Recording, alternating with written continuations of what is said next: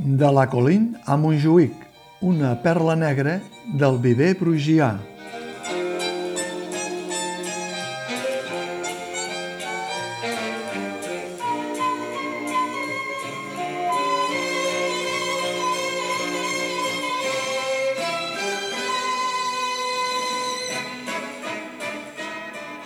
A la vista del muntatge 28 i mig, t'assalta el dubte de pensar que la Perla 29, el director Oriol Brogi, potser viu en una crisi de creativitat com la que va reflectir autobiogràficament Federico Fellini en el seu film 8 i mig o Otto Mezzo. Però si fem cas dels resultats i reconeixements de les últimes temporades, de segur que no és això. Aleshores, potser hauríem de concloure que Oriol Brogi ho té tot tan ben calculat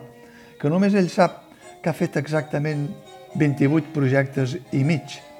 de la mateixa manera que Fellini diu que havia fet 8 pel·lícules i mitja quan va triar el seu títol emblemàtic. O potser,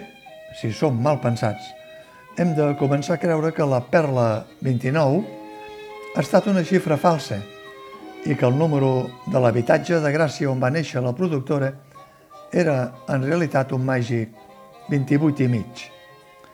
Malament ho té Oriol Brogi si, com el protagonista de la pel·lícula 8 i mig, es pensa retirar un balneari per repensar el seu futur artístic i personal, perquè, com Guido Anselmi, l'alter ego felinià, tinc la sensació que Oriol Brogi també es veuria perseguit i assetjat per tots aquells dels quals potser voldria fugir, en un moment revoltat que, certament, convida a agafar la manta i córrer. Si això passés, ja veig perseguint-lo en fos els espectadors fidels que té, els intèrprets que volen treballar damunt la sorra de la Biblioteca de Catalunya, a pesar d'algun retret irònic de l'actor Pere Arquilloé, l'últim Cirano, tècnics, escenògraf, músics i fans en general. Per això ha fet bé, abans que fos massa tard, de refugiar-se en el món oníric, en els records del camí fet i en les fantasies de les quals s'alimenta el teatre. I és així com ha convertit la nau gòtica de la Biblioteca de Catalunya en una mena de Cinecittà Studios, on tot es barreja en nom de la poètica, la sensualitat, les sensacions a flor de pell i la nostàlgia d'un temps que, si bé tampoc no era millor, potser sí que era més feliç. En dues hores, l'espectacle fa un viatge amb ressò italià, d'anada i tornada, amarat d'intensitat lingüística, italià,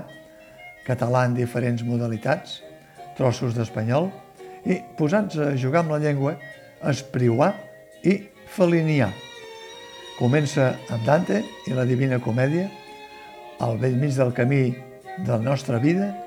em vaig trobar en una selva obscura del draturer vial La Passa Eixida. I enllaça amb el conte popular La fugida del pintor Notxa, que s'encaua dins de la seva pintura i com en un joc de nines russes entronca amb multitud de records i referències que passen pel món de Fellini, pel món del cinema, pel món del teatre, pel món de la Perla 29 i, en algun moment, pel món de cadascun dels intèrprets. Espectacle, doncs, d'autoria compartida i d'autoria manllevada i combinada amb una estètica que apela a la bellesa i la plàstica,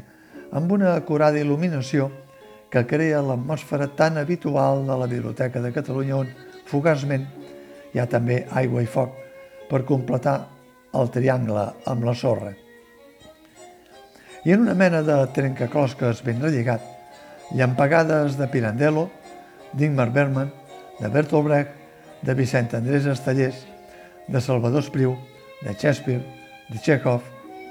la primera història d'Ester, Coral romput, Teresa, sis personatges a la recerca d'autor,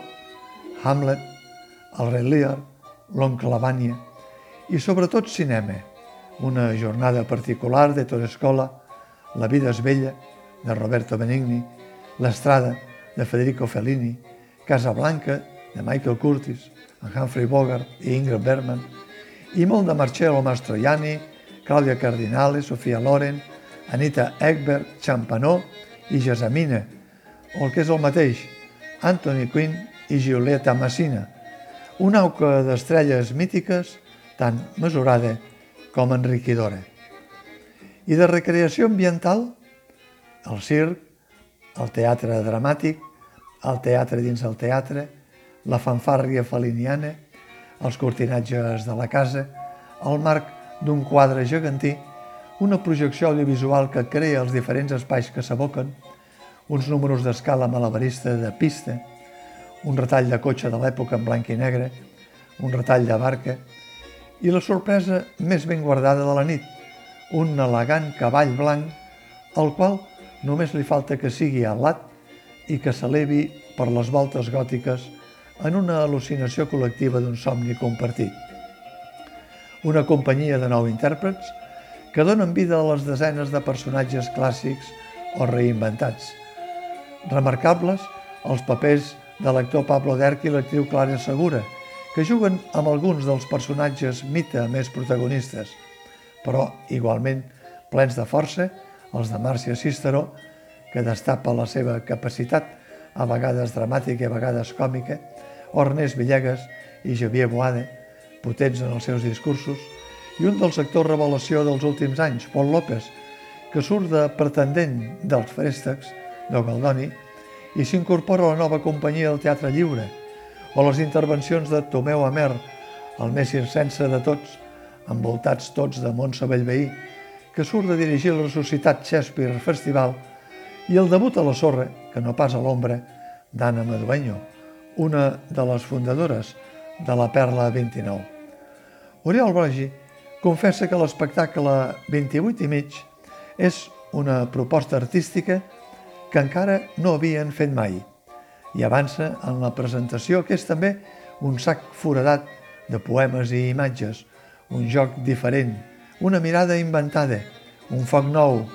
que han sentit com a necessari. Per això,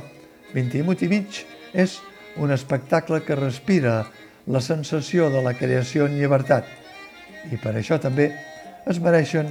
uns llargs aplaudiments a peu dret i una calorosa temporada d'estiu.